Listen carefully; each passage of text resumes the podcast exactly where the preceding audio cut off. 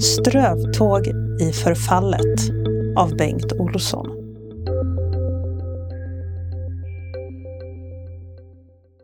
För något som känns som en mansålder sen reste Jimmy Åkesson ner till gränsen mellan Grekland och Turkiet och delade ut flygblad till flyktingarna där med budskapet om att det inte finns plats för dem i Sverige. Jag tänker på hans flygblad ibland under mina strövtåg i den jämtländska tätorten. Jag har kommit att fästa mig vid den. Här finns allt man kan behöva. Och finns det inte behöver man det antingen inte eller också kan man beställa det på nätet och hämta ut det på ICA två dagar senare. Men allt fler verkar vara av en annan mening.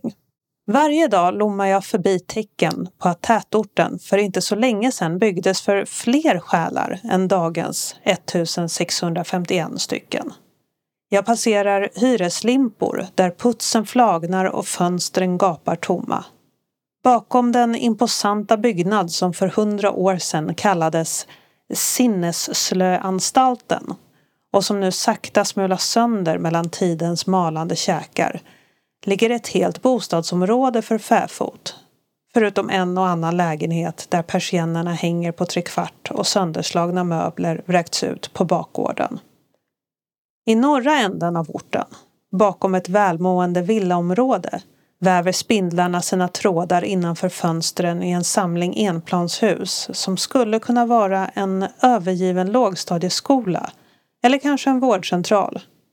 När man kikar in ser man plastlaminerade skåpdörrar som fastnat i fallet och hål i golvet där värmeledningarna förut gled ner.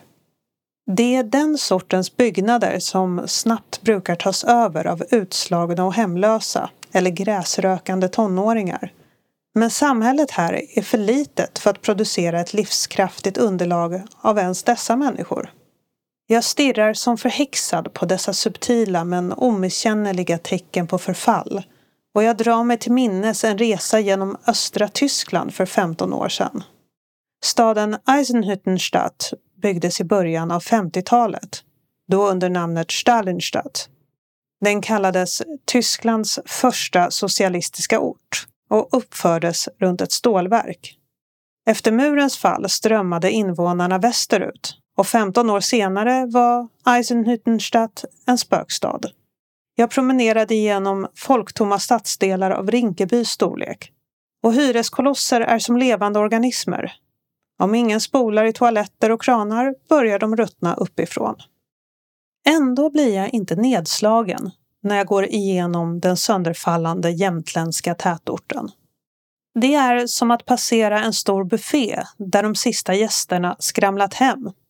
Fat efter fat av läckerheter, bunkar med sallader som knappt blivit rörda. Snart kommer flugorna och grönsakerna kommer börja skrumpna. Och allt jag kan tänka är att det är bråttom. Det är vår skyldighet att se till att läckerheterna hittar munnar att stoppas i. Och här kommer Jimmy Åkessons flygblad in i bilden.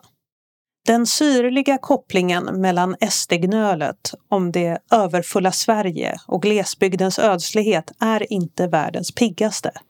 Ståuppkomiker har vevat den i decennier och till och med Fredrik Reinfeldt gjorde den efter en flygtur över Norrlands folktomma vidder. För några år sedan gjorde jag en bilresa upp till Haparanda och körde genom norrländska hålor där det enda livstecknet utgjordes av mörkhyade unga män som stod utanför byns thaiholk och rökte och pratade och stampade i sina sneakers för att betvinga kvällskylan. Och jag klyvdes mellan glädjen i att se avfolkningsorterna fyllas med folk och den gnagande känslan av att det här bara var ett annat uttryck för att hänvisa invandrare till miljonprogram som de infödda svenskarna vänt ryggen. Ett synsätt som kan sammanfattas Vi skulle aldrig sätta vår fot här, men det duger åt er. Jo, nog finns det plats i Sverige. Men den borttyande landsbygden får inte bli ett avstjälpningsställe för människor som ingen vill veta av och som blivit över i vår allt mer slimmade ekonomi. Mardrömmen är en landsbygd där försörjningsstödda pursvenskar står i ena änden av en snålblåsig ICA-parkering och blänger på syriska ynglingar som sparkar småsten i väntan på uppehållstillståndet och när deras blickar möts ser båda en bekräftelse på sin egen underordning. De infödda svenskarna blänger på syrierna och tänker så här djupt har jag alltså sjunkit. Och syrierna blänger på de överviktiga och överblivna svenskarna och tänker Jaha, högre tankar om oss har de alltså inte. Det är här de tycker att vi hör hemma. Det kommer att bli en krutdurk. Lösningen är en landsbygd som är attraktivare för alla.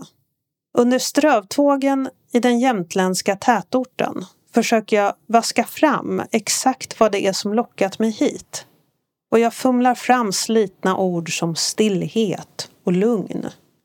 Glädjen i att stöta ihop med en granne vid järnvägsbommarna och stå i vårsolen och lovprisa tystnaden. Och min granne konstaterar att igår mötte jag inte en enda människa på hela dagen. Vilket leder oss till en ännu svårare fråga. Hur mycket tål landsbygden att befolkas innan stillheten och lugnet försvinner och den följaktligen slutar vara landsbygd?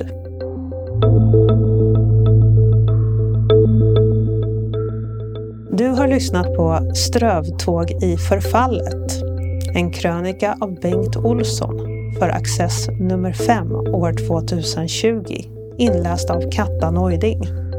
För fler artiklar, podcasts och Access TV besök oss på www.access.se och följ oss på Facebook och Twitter.